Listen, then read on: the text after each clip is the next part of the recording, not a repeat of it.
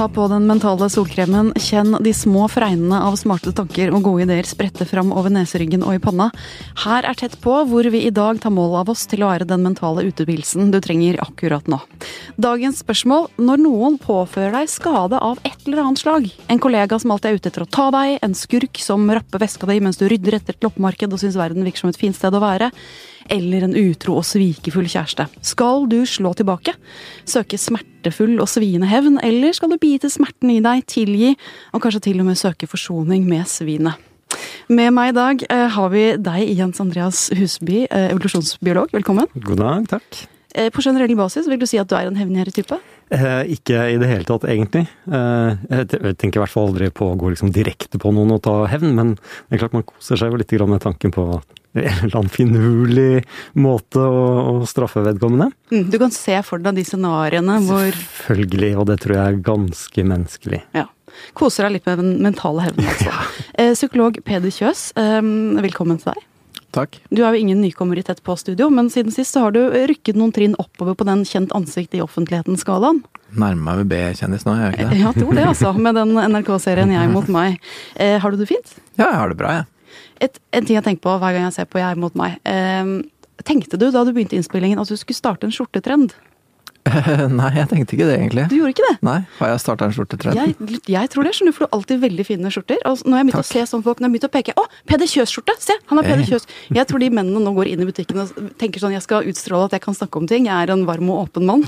Jeg er en fin person å ha nære relasjoner med. Jeg vil ha Peder Kjøs-skjorte. Emosjonsskjorta. Jeg tror det er noe der, altså. Jeg fikk hjelp til å kjøpe dem, da. Jeg har ikke kjøpt dem sjøl. Du har ikke det, nei? nei, nei. Ja, det funker. Um, ok, eh, nå har vi ryddet det viktige av bordet. Um, har du søkt vill og blodig hevn noen gang gjennom ditt uh, voksen- eller ungdomsliv? Uh, lite av det. Lite av det. Det er sivilisasjon uh, har overstyrt uh, natur i mitt tilfelle, mm. for det meste. Sånn at du liksom egentlig kjenner følelsen inni deg? Uh, at den Nesten er der? ikke lenger. Nei. Nei. Du er helt lugn? Kjempesivilisert. Igjen, altså. Kristine Hellesland, min gode venn som alltid svinger sverdet i de gode krefters tjeneste. Aldri slår seg til ro med en floskel til et svar, og aldri gir opp å finne de kloke løsningene på livets gåte. Fint å ha deg her. Tusen takk. Du, I forbindelse med Det norske bibelselskapets 200-årsjubileum i slutten av mai, ja. så skal busser i Oslo kjøre rundt med bibelvers og bibelsitater på seg. Riktig, skal de det? Ja, ja. og ennå er det hemmelig, da. Fordi de holder kortene tett i brystet. Men ett av ordene de skal kjøre rundt med, er 'elsk dine fiender'. Riktig. Er det en lett og enkel øvelse for deg? det var jo veldig to, to tilgivende og forsonende menn ved vår side i dag. Det var jo det. Ja, jeg, jeg skulle jo ønske at man alltid var så raus, og, og skulle ønske jeg var som Nelson Mandela, og prøver ofte å tenke hvis han kan tilgi, da, da må vel vi også kunne det. Men um, mens andre ganger så føler man seg jo kanskje mer som han uh, gladiator um, uh, Den filmen. Uh, han som Sadden og sandaler må ta innersvingen. Ja, hevnen skal tas. Ja. Så et ulendt indre terreng kan vel jeg av og til føle på. Nettopp. Eh, altså, Du var jo litt inne på det nå, Kristine. I populærkulturen, altså selv om vi nå alle frasier oss de store hevneaktene her, så elsker vi å se det utspille seg. Altså, Jeg nevner i fleng Kill Bill, f.eks., Pop Fiction, Reservoir Dogs og nå Game of Thrones. I den episoden som jeg så denne uka her, for eksempel, så har vi Ramsay Bolton. Følger dere med, eller? Ja, ja. ja. Nei, jeg har aldri sett på en eneste episode. Ramsay Bolton. Som mange i Game of Thrones, da er han i ferd med å kunne arve en trone. Eh, og så blir han så redd for at han ikke skal gjøre det, at han rett og slett dreper faren sin, stemoren sin og sin én time gamle babybror. Eh, faren stikker han i magen med en dolk, og eh, spoiler alert, ja. eh, stemor og baby blir spist av hunder. Altså, det er helt forferdelig. Og dette kommer jo bare i sånn en rekke av andre voldtekter og torturakter og forferdelige ting som han har utført.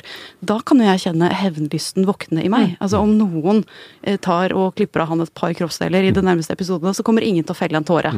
hva er det med de hevndramaene som gjør at vi engasjerer oss så veldig i dem? Altså, dette, dette hevnefølelsen, det er jo dyp instinkt i oss. Jeg tenker det er, liksom, det er der oppe med sult og, og kjærlighet og de her grunnleggende behovene.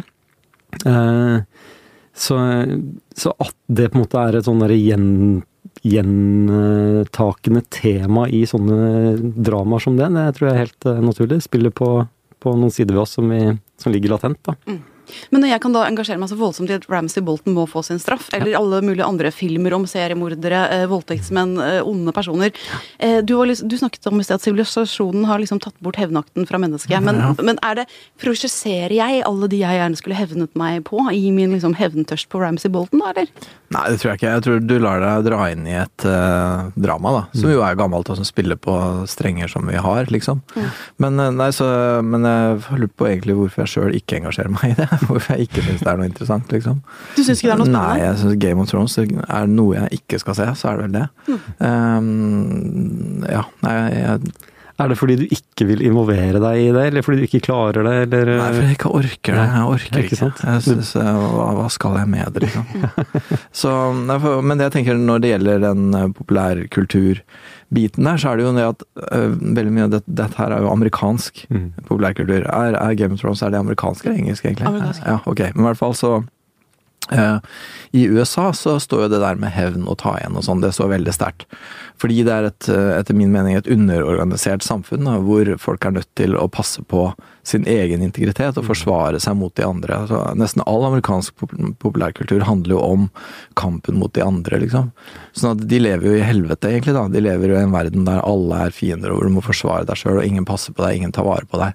Mens vi her i Norge, vi lever jo da på en helt annen måte, hvor vi egentlig ikke er nødt til å passe på oss sjøl, og vi trenger ikke å drive og være alltid beredt og gå med sverdet vårt, liksom. Eh, Du så har et velferdssystem som Ja. tar imot deg hvis du faller? ja, så hvis, hvis, en, hvis en nordmann blir krenka, så er det ikke det at du drar sverdet. Det er det at du går til psykologen, eller du ringer politiet, eller et eller annet sånt. ikke sant? Det er alltid noen der som kan passe på og ta vare på. da. Og så også sånn, sånn som vår reaksjon på vår reaksjon på Anders Behring Breivik, liksom. Rosetoget og det hele? Ja, ikke sant. Og det er rosetog. Det er, det er jo eh, Hva ville man gjort i USA, liksom?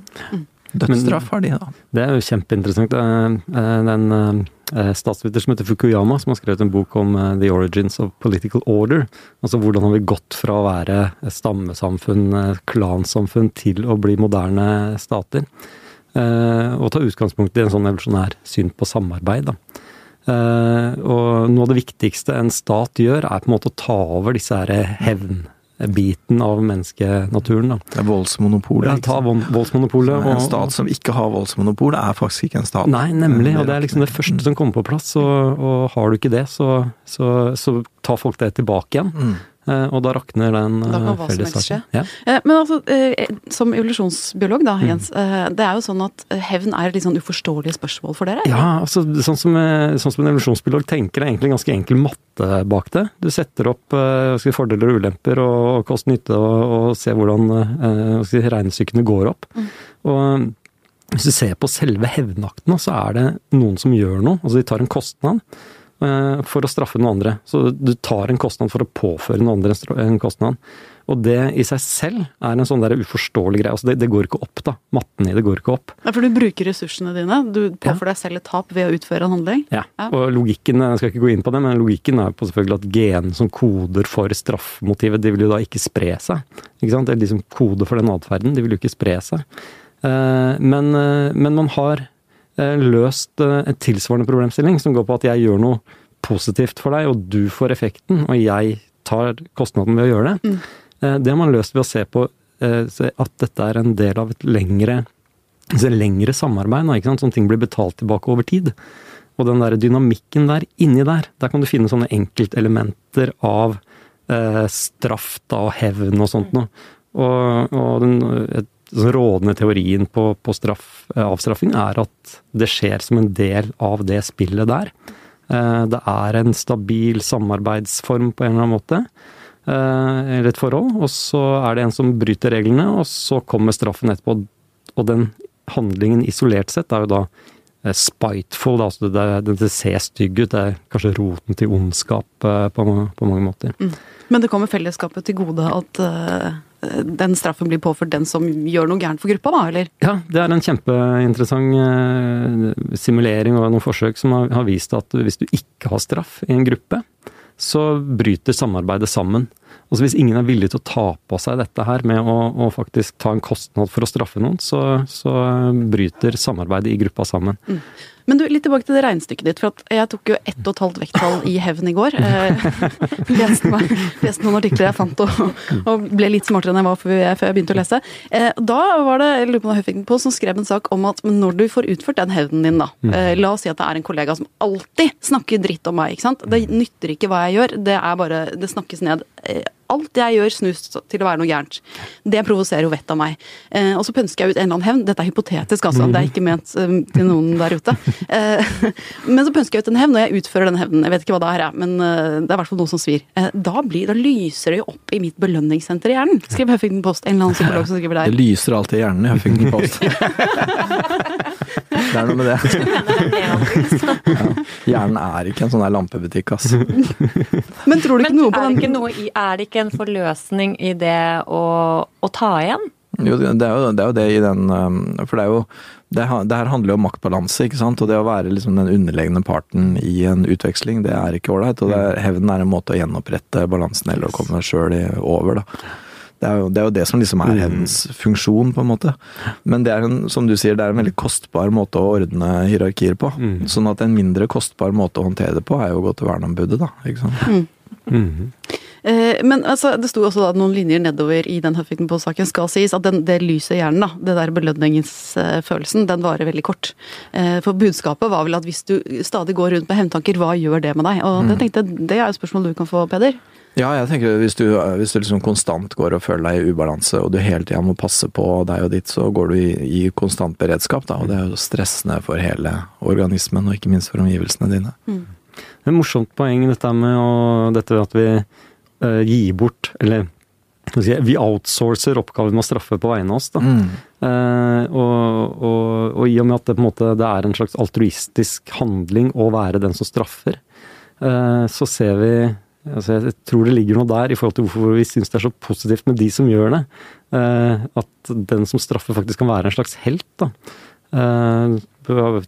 serie på, på kino nå om Avengers og sånn. Avenger og The Punisher. Ja, The Punisher. Det er sånn det går i. Ja, ja. De, de, de, gjør noe på vegne av oss, da. Mm. Ja. Men den der følelsen av at uh, altså Du var inne på regnestykkene her tidligere, Jens. Uh, og ville rette opp en urett. altså Hvis noen påfører deg et minus, mm.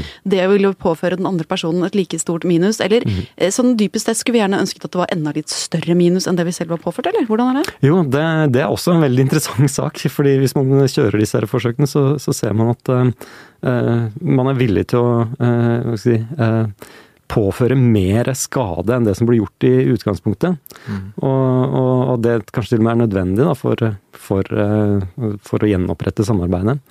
Og, og, det høres jo veldig eh, rart ut, for det første. Eh, men det dukker opp i disse simuleringene. Ulempen da, det er at det er jo sånn altså, Hvis man først hevner noe, og så blir det oppfatta som urettmessig av den som får straffen. Ja, ikke øye for øye, men uh, Det blir øye for uh, si, en arm, eller en sånn, hvis arm er verre. øye for to øyne. og så blir det bare verre og verre for hver gang, da, ikke sant? for mm. dette går frem og tilbake igjen. Og, og eh, i, i vår forhistorie og andre kulturer og sånn, så ser du jo ofte dette med hevnspiraler da, som kan bare bli, utøve, altså bli verre og verre. Mm. Ja, du ser det i sånne underregulerte grupper i det hele tatt. Sånn, I sånne kriminelle gjenger og sånt også. Fordi at den krenkelsen du sjøl har opplevd, er jo alltid større enn den krenkelsen andre har opplevd. Ikke? Sånn at du vil jo alltid ta igjen Eh, på en måte som egentlig er mer, da, fordi at du sjøl føler det så akutt, det du har vært utsatt for. Ja, for er du mafiaboss og én dreper én eh, medarbeider, så dreper du ikke én tilbake, da dreper du jo to. Og så har vi det gående, da. Ja, og så skal de andre da drepe tre, og så Ja, og der har du på en måte egentlig vikingtida mer eller mindre oppsummert. Vips et behov for et voldsmonopol, da. Det er jo kjempesmart. Det var vel også en TV-serie? ja, det er jo faktisk egentlig Game of Thrones, det. ja, det er det jo faktisk. Er omtrent det. Men uh, jeg leste også da i går uh, en historie som er fra virkeligheten. I, I, oktober 2006 så var det en gunman, altså en, eh, en person med våpen, da, som gikk inn på en Amish school. Mm. Eh, altså denne religiøse sekten i USA hvor de går med veldig sånn eh, rurale klær og lange fletter. Eh, denne mannen skjøt ti jenter og drepte fem av dem på en skole. Og så skjøt han seg selv. Og det The Amish Community gjorde da, eh, det var å ikke søke hevn, for det ligger jo i deres kultur, det gjør man ikke. Eh, så alle sammen gikk i drapsmannens begravelse, og alle sammen donerte masse penger til drapsmannens enke og mm. hans tre barn. Mm. Eh, hva tenker vi om den måten å møte en urett på? Altså, jeg, jeg syns det, det, det er veldig vakkert, og det vekker mye sterke følelser i oss. Og jeg tror det er ikke tilfeldig at det gjør det, fordi det er, en, det er både uventa og det er liksom blitt sett på som veldig stort. da.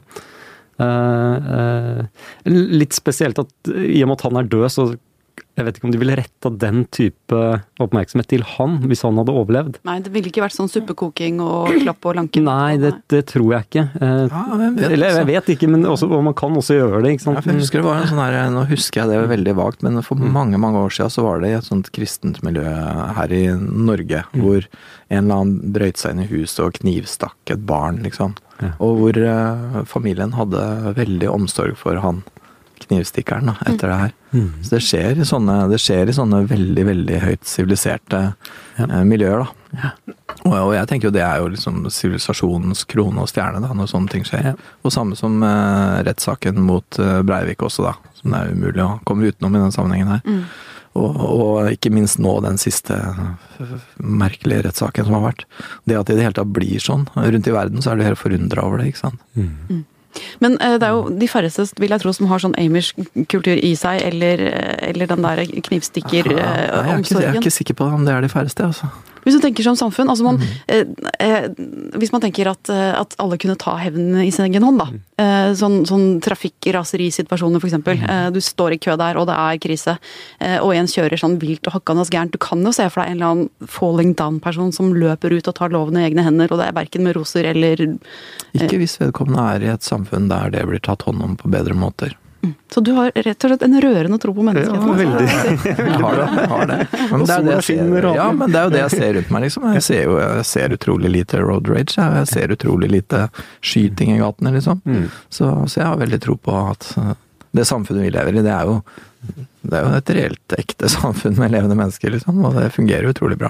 Eh, og jeg er helt enig i at og det er samfunnet som gjør det, for vi har de mekanismene vi har. Så vi Mm. er vant til å tenke at dette her kan vi stole på at blir håndtert. Mm. Eh, men det er en annen side ved dette ved Tilly. Eh, fordi du har blitt påført en skade, ikke sant. Og, og eh, så skal du påføre den samme skaden, eller verre, på en annen en. Eh, men hvis du på en måte velger en tilgivelse istedenfor, som en sånn gjen, altså det er dette du bevisst gjør, da, så signaliserer du samtidig en slags overlegenhet. Mm. Eh, eh, den her skaden du påførte meg, den kan jeg bære, fordi jeg har så mye mer å gå på. ikke sant? Det, det, ligger, det ligger en liten sånn der, 'jeg klatrer over deg'-budskap her. Du, du kan også være litt nedlatende i din tilgivelse. på Ja. en måte. Du kan gi den et skinn av litt hevn, den òg. Ja, ikke sant. Fordi hvis, eh, Peder nevnte det i sted, ikke sant? at eh, det er en sånn uh, hierarkidynamikk her. Du er blitt skada, du er blitt put, putta ned. Og ved å, å tilgi så sier du at nei, jeg tåler den, jeg. Og så klatrer du litt over. Mm. Så det er en fin måte å vinne tilbake igjen den Ja, ja. Det er sånn posisjonen ære der. ja. Ja. Jeg leste også da blant de dokumentene jeg leste i går, for mine halvannet vekttall, så var det en, en hindu som hadde skrevet eh, om hvordan, hvordan de så på det. Og det er jo de tror på, det er karmaen, ikke sant. Så hvis eh, du, Jens, gjør noe helt sånn grusomt mot meg, så skal jeg ikke gjengjelde. Eller jeg, hvis jeg skal gjengjelde, så skal det i så fall være med en handling som er tilsvarende god. Fordi min karma blir jo da helt sånn skinnende og fantastisk, din blir dårlig. Og i de videre livene du og jeg kommer til å leve, så kommer jeg til å komme ut så mye mer på toppen. Eh, og det høres så fint ut, men da blir jeg litt sånn Kan man, hvis man ser sammen på det, kan det tilgivelsen og forsoningen ende opp med å bli litt sånn undertrykkende også? La oss si at det er et slavesamfunn da, hvor det hele tiden blir det er overgrep, og du kommer ingen vei, og noen utsetter deg og familien din for dritt, men fordi du tror på the karmic life, eh, og at du kommer bedre ut av det i det store og det hele, så prøver du ikke å reise deg eller ta igjen på noe som helst måte? Eh, ja, og jeg syns det er veldig interessant at du sier det, for det, og det er spennende at vi liksom penser inn på hva samfunnet gjør her. Liksom, hva, for, eh, for det er tydelig at dette henger sammen. Eh, jeg tror eh, jeg tror at det kan brukes sånn, selvfølgelig kan det gjøre det. Men i hovedsak så er det en ganske fin ting, tenker jeg. At du får den der kulturen som overlater det til andre å, å, å ta seg av eh, rettferdigheten. Ja, og enten det er en gud eller karmahjule eller, eller eh, politi og sånn. Men eh, det, er, det er en fare der, og det var jo det Nietzsche var opptatt av. ikke sant? Med det med at, at, at kristendommen er en slavemoral. Mm. Som er um, um, at, det, at det er noe passiviserende i det. Mm. Men uh, hvorvidt det er en trussel eller ikke, det kommer litt an på hva slags verden du lever i, det òg. Men eh, Jeg vet, jeg vet ikke at det er litt mer trussel når vi skal over på de nære relasjoner. Det skal vi straks. Kristine. Jeg skal bare, jeg skal bare en, en historie til da, som jeg syns var veldig gøy.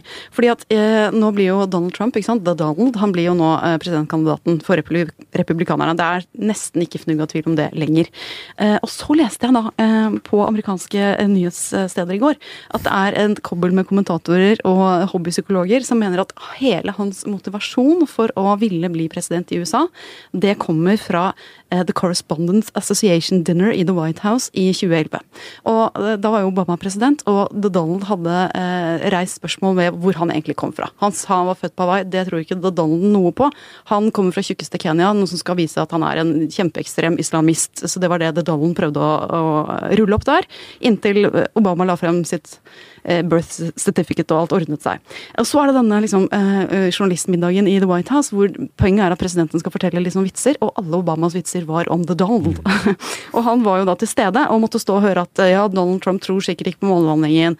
Eh, se på måten han sparker folk på i realityshowene sine. Altså, han ble totalt ydmyket. Og han prøvde liksom å smile og nikke seg gjennom det, men det røk jo ut av ørene hans. Du kunne se hvor sinna han var.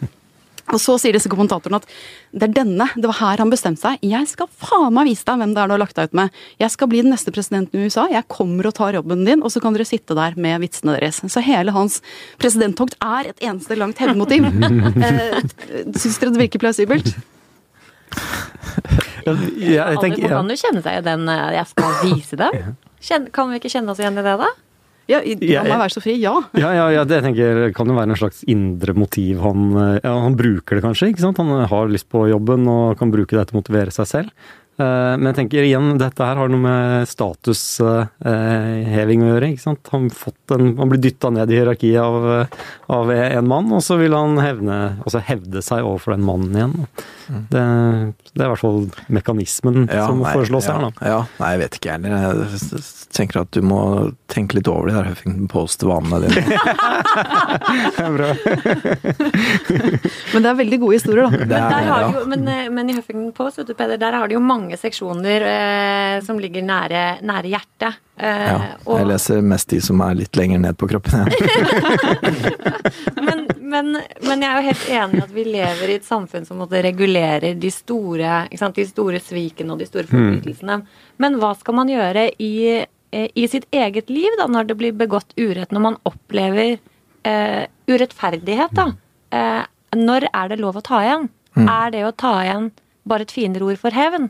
Eller er det sånn at vi alltid skal vi lære Når er det vi ikke lenger skal lære barna våre å stå opp for seg selv, da? Mm. Eh, hevn kan jo også være å si fra um, og, og, rette opp i en eller annen form for balanse.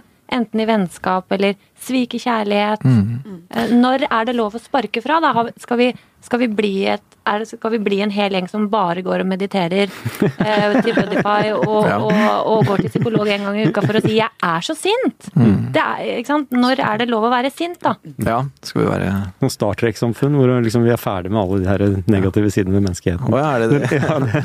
ja, ja, eller sånn helt totalt Nietzsche-slavemoral. Men det er veldig viktig, jeg tenker det der er veldig viktig, og at der, når vi liksom får Når vi gjør skalaen litt mindre, da, når det ikke handler om hevn ved å eh, dele opp noen i biter eller eh, å bli president eller et eller annet sånt utrert noe, men, men kanskje når det handler mer om å, liksom, å stå opp for seg sjøl og hevde sine egne ting, så er jo det gjør, Det å gjøre det innafor en slags på en måte som har en slags relasjonell bærekraft, da, eller hva man ja, skal si. Hva er, det. hva er, det. for noe? Ja, for du må gjøre det på måter som ikke ødelegger relasjoner, da. Det er vel kanskje det som er Kanskje det som kommer nærmest en slags Eh, for, for, det er jo klart at hvis liksom løsningen din er å utslette den andre, så er jo det veldig ekstremt. Men hvis du skal forholde deg til at du og jeg er i ubalanse, vi er nødt til å forholde oss til hverandre de neste 50 åra, hvordan skal vi håndtere det, liksom? Så tenker jeg du kommer på helt andre løsninger, da, mm. enn å knekke nesa på noen, liksom. Mm. Fikk bare en assosiasjon, for vi har snakket litt om det der, eh, hvordan samfunnet griper inn og tar liksom av seg tingene. Eh, dette her med det private sfæren det er jo en sånn pågående diskusjon, liksom hvor langt skal liksom samfunnet gripe inn i det nå. Uh, og, Ja, for det er jo ikke alt som er lovregulert. Altså, hvis uh, noen velger å være utro mot partneren sin, så er det, samfunnet griper jo ikke inn mot det. Nei, og da kan jeg tenke meg at eh, hvis vi som er så vant til å tenke på at samfunn tar seg av den biten der, burde kanskje grepet inn her òg. Det er urett som Ja. har begått, men, eh, Det burde men finnes et kontor for det. Ja, ikke sant. uh, men, men da er vi tilbake til dette her med seksualmoral. Da. Mm. Og det er en sånn altså, eh, Jonathan Haidt, som skriver om, eh, om eh, Han er moralfilosof, eller moralpsykolog, eh, mener at dette her med moralisme er en måte å lage fellesregler på som sørger for at andre hjelper deg på en måte med å holde andre i sjakk. Da. Mm. Eh, Regulere med dårlig samvittighet istedenfor kroppslig skade. ikke sant? Ja, nemlig. Men altså, eh, hvis, man, hvis man tar det, altså det stadig tilbakevendende temaet i denne poden også, utroskap. La oss si, eh, gud forbi da, at min mann skulle godt ha hatt seg med noen eh, som mm. jo ville krenket og såret og gjort meg så utrolig rasende. Eh, eh, ville det vært noe nytte om jeg tenker jeg skal være akkurat like nøyaktig like mye utro som han har vært, kanskje litt mer. Hvor mange ganger har du hatt deg med henne? Greit, jeg skal gå ut og ha meg en så mange ganger, kanskje en til med en eller annen tilfeldig fremmed, bare for å få liksom, justert maktbalansen. Kan like gjerne gjøre slutt med en gang. Kommer aldri til å bli enige om når dere er i balanse. Kommer, ja ja, men det var noe sånn, og det du gjorde var jo sånn. Så da har han en til godelapp, og så Det kommer inn i en sånn spiral. Ja, Så regnestykket kan man bare legge til side. Det kommer ikke til å gå opp. Så det er bedre at du gråter og snakker om følelsene dine, og så får han dårlig samvittighet, og så gjør han ikke noe mer. Men det, ja, men det er jo så kjedelig. Altså, Ja visst er det kjedelig, men det fungerer. Men, men, men, men, men det er jo en, der er det jo en utrolig uskjev eh, maktbalanse, da. Eller det du snakket om i stad. Eh, det å gråte og, og snakke om følelsene sine versus eh, det å bli trua og tråkka på, da. Mm. Ja, ja. Ja, nei, men jeg tuller litt, da. Men det kommer litt an på hvor dårlig samvittighet han får, da. Om han får tilstrekkelig dårlig samvittighet. sånn. Det er jo det folk liksom gjerne holder på med i sånne situasjoner, da. Måle samvittigheten. Ja, at ja, du har dårlig samvittighet, men du har ikke dårlig nok samvittighet. Og så, ja. Men det regnestykket kan vel heller aldri egentlig gå opp? For, Veldig vanskelig å få det til å gå opp. ja. Og det tar lang tid, og det er veldig mye med det. Og det når jeg jobber med par eh, som har vært i enten, Ja, det er jo én form for krenkelse, men andre krenkelser også, da. Så er det jo det man holder på med. Å prøve å liksom prate seg fram til når er det vi er noenlunde i vater, liksom. Og hva kan man tilgi og ikke. Og det tar lang tid, og det er veldig vanskelig og smertefullt. Så det er en ugrei situasjon å sette seg i. Men det er utroskapsscenarioet, eh, det er jo innrettet sånn at den man ofte blir sint på, er jo den tredjeparten. Altså det er jo ofte Ja. ikke den partneren som faktisk har lovet deg troskap, og dere hadde en plan eh, for livet. Ja, og det er en måte å forenkle situasjonen på, ikke sant. Og da slipper du liksom hele hevnspiralen, da, fordi at det var noen andre sin feil. Så da, da har det ikke noe For det er jo, hvis, hvis liksom det skal være en slags relasjonsbevaring, da, så er det jo veldig greit hvis det er noen andre som har skylda. Jeg tenker, eh, Evolusjonspsykolog tenker helt annerledes på, på den, det scenarioet her. Eh, når du er i et forhold, eh, eller alle går rundt med en sånn der indre følelse av hvor høyt det er på den der, eh, hvor attraktive de er, da. Eh, ikke sant? Er du en eh, tier eller er du en nuller? Eh, og, og så prøver man hele tiden å just finne ut, ikke sant? finne ut hvor er jeg hen. Skal man da være, la oss bare ta the basics, skal man helst være en sekser begge to for at det skal funke? Mm. Ja, det er jo sånn at man alltid har lyst til å klatre oppover. Eh, og, og for å liksom vite om man er fornøyd i forholdet eller ikke, så trenger man å i hvert fall føle at man er så langt man kom, kan komme. da. Og det at noen har vært utro, er et tegn på at hun eller han da, faktisk er over meg. og ikke sant, Har valgt en annen som kanskje er en annen liga. Ja, da jekker du deg et par Ja, du mist, opp på ja det, det, den der indre representasjonen av hvor du er på skalaen i, forhold, i det forholdet, og, og generelt, det får en sånn der eh, brist. ikke sant? Du må ut og sjekke kanskje hvor er du hen igjen. Og, og da tilbake til dette med statushierarkiet. Eh, Du må gjenopprette deg selv, du må finne ut eh, på nytt da, hvor er du i dette hierarkiet. Og hevnen er kanskje vel så mye å altså, Det du ønsker egentlig, er å få vite at den som har vært utro, faktisk ikke er over deg allikevel, eller at du ikke er så langt nede som dette eh, sviket indikerer. da. Men det er derfor sånne som meg da kunne løpt ut på bar og prøvd å jekke seg opp, da. og Finne Ja. en annen liksom for fort Ja, å ta de samme to sprangene på Ja, også hvorfor du ville blitt veldig opptatt av denne tredjepersonens dårlige egenskaper, da. Ikke sant? Ja, for å dra den personen igjen. Ja. Men altså, som, som hevnsøkende, da. eh, Jeg er ikke den veldig forsonende typen som Det tar meg litt tid å forsone så tidlig, det kan jeg bare være helt ærlig om.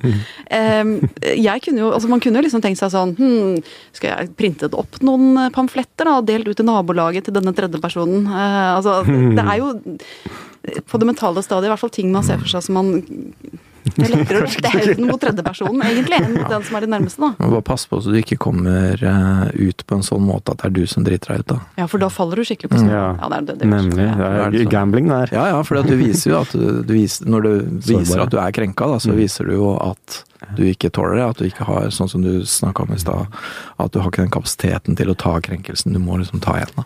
Jeg diskuterte noe av dette i går eh, senest. Særlig for menn da, så er dette her kjempeviktig. Eh, Og en mann som har blitt eh, si, bedratt eh, av en kone som kanskje er i utgangspunktet ganske høyt oppe på skalaen. For han så Altså det er, et statusfall. hvis, hvis alle får vite at hun har bedratt han, så eh, indikerer det igjen at han er nede. Det er tap av ære, rett og slett. Ja, en, en tap av ikke sant? Han Hvor klarer er ikke å han? forsvare det som han eier. Hvem som helst kan forsyne seg av hans ting. Han kommer ikke til å ta igjen. Han er ufarlig. Det er bare å gå løs på det. Så, Ja, du? og da er teoriene da at eh, dette er liksom så viktig for oss at, eh, at det er da menn kan begynne å bli helt Altså bli voldelige eller og til og med drepe. Ja, Da er vi litt sånn over i partnerrap, eks-partnerraps, Yes. Ja, ja. den mørke underskogen der. Ja. Ja, nettopp. Men altså, eh, hvis vi ikke skal gå inn i det mørket, da. uh, Det var du som begynte med hevn! La oss glise. ja, jeg, jeg har dratt oss mot mørket gjennom hele sendinga, skal innrømme det. Uh, Men det man skal gjøre, da, tipset både fra evolusjonsbiologen og psykologen, det er faktisk å være den større personen. Uh, Om man ikke skal gå helt i liksom meditasjonsfella, så i hvert fall liksom mm, ikke ydmyke deg selv ved å bli gæren og hevntørstig. Ja, og stol på at samfunnet eh, Og støtte opp under at samfunnet har den der funksjonaliteten, for det tror jeg er kjempeviktig. Men derfra til Jeg må bare gå én runde til på det. Må man alltid tilgi? Altså, Greit at jeg ikke skal søke hevn hvis, hvis du, Peder, krenker meg noe helt forferdelig. Greit at jeg ikke skal søke hevn, men er jeg nødt til å tilgi deg? Kan jeg liksom tenke Peder Kjøs skal aldri ha noe med å gjøre, for han har jeg nå bestemt meg for er en dårlig person. Jeg lever livet mitt uten han. Ferdig med det. Eh, Eller må jeg liksom gå den ekstra mila og eh, faktisk tilgi og forsone oss? Det kommer litt an på hva slags relasjon, eller hvordan du setter pris på den relasjonen, da. Hvis du syns det er hyggelig at jeg stikker innom her av og til, så bør du vel prøve å tilgi meg, det. Det var dårlig. Ja, ikke sant, der ser du. Men hvis du syns at liksom, nei, vet du hva, han trenger jeg ikke i livet mitt, så trenger du heller ikke å tilgi meg. Mm. Selv om jeg ville synes det var mye mer hyggelig, da. Jeg syns det koker ned. Det er et sånn kost-nytte-regnskap, altså. Det, Det er det, og det er det som mange syns er provoserende med sånn evolusjonsbiologi-greier, da. Det er liksom, jeg er jo ikke noe sånn der biologisk mattestykke, liksom. Og så sier jeg, sier jeg jo da, du er nok det. Og alle er det, og det har alle forfedrene dine vært, og siden de var maneter. Man tenker jo ikke på det, man sitter jo ikke og regner på det, men det er Nei, nei. dynamikken vi er tilpassa til. Mm. har vi fått noen svar, Kristine? Er du fornøyd med dagens prat? Jeg er veldig fornøyd med praten rundt bordet. Mm. Da tror jeg vi Jeg noterte et eller annet sted her. Ikke søk hevn, gå til psykolog. Eh, eller snakk med evolusjonsbiologen. Det er også fint. Kjenn på ditt indre taksameter. Tusen takk til Jens Andreas Husby og Peder Kjøs. Du er her heldigvis fortsatt, Kristine Hellesland, og det er du også, Ingunn Saltbones. Velkommen! Tusen takk. Vi pleier jo å ha en sexprat. I dag er det kanskje litt mer relasjonsprat, eller? Ja, mer relasjon i dag. Og dagens tema det er ikke så veldig langt unna den mørke sfæren, det heller. Eh, kanskje ikke hevn, men litt sånn over i det landskapet, eller? Ja, nei, jeg tenkte at dagens råd det er at man må ikke kaste bort verdifulle eh, år av sitt liv. Man må gjøre det slutt. Å! Med den feile kjæresten. Ja. Med den feile kjæresten, samboeren, partneren. Eh, eh, altså hvis dette er feil for deg, hvis du går der i år ut og år inn, og dette bare hangler og går, og man har det egentlig ikke bra, så mener at det er altfor mange som er for redde for å gjøre det slutt. Nettopp. Venter for lenge. Ja. Hva er det man er redd for, da? Jeg tror at uh, veldig mange er redde for å bli alene. Altså at de er redd for ensomheten. Eh, at de ikke ønsker å være alene, og at de da er redde for å ikke finne en ny. Men jeg tror de undervurderer hvor dårlig man egentlig har det i et forhold som ikke fungerer. Eh, det er da faktisk bedre å være singel eh, og alene. Du har jo noen sånne ubestridte eh, fordeler med det. For eksempel så slipper man jo å krangle om hvem som skal ta oppvasken. Det er deg.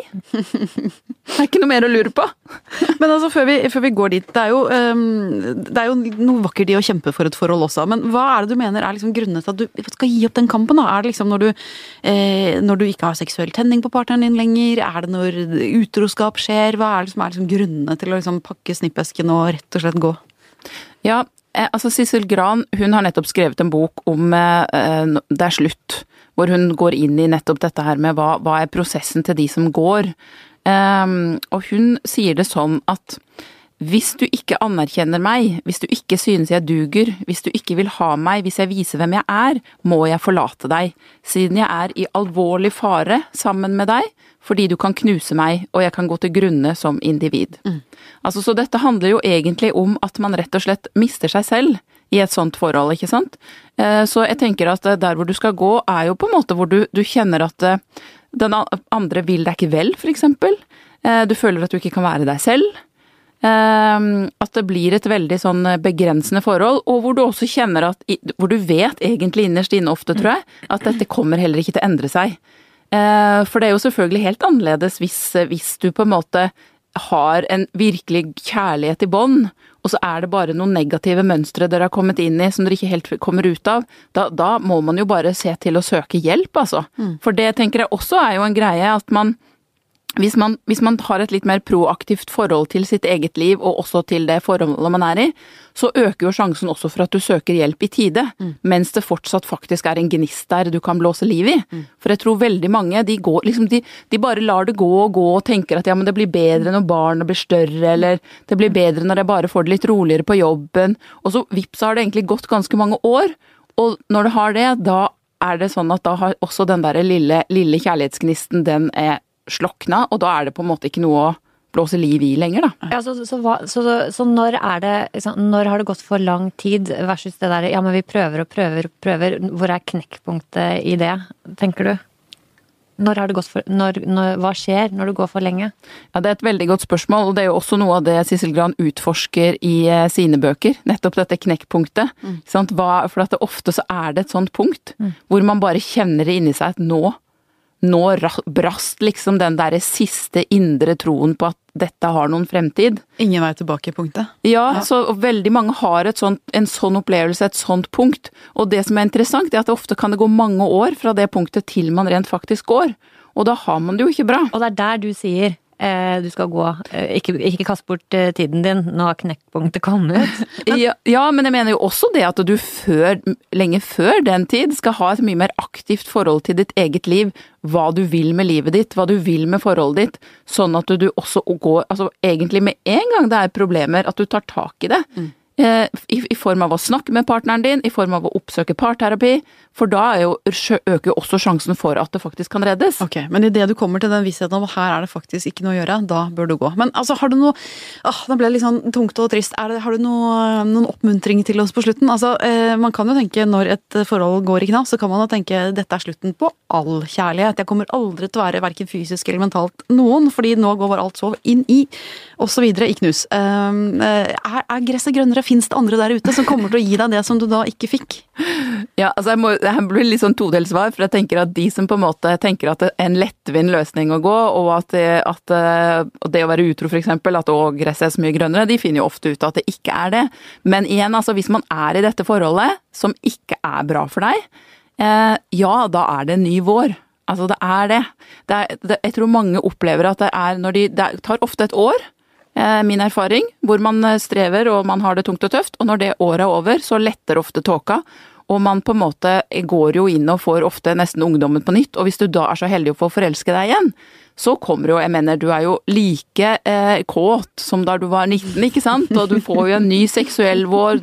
Forelskelsen er jo akkurat like sterk når du er 40 og når du er 80, så det er jo altså virkelig. Ja, Det er bedre med et horrorår enn veldig mange ørkenvandringsår. Eh, Jeg tror vi noterer det som eh, dagens lærdom. og Demp den hevntørsten. Eh, Jeg tror jeg bare må innse det, jeg også. Det nytter ikke. Vær den større personen, og prøv å nyte våren, da. Det er også et fint tips. Takk også til vår produsent não consegui.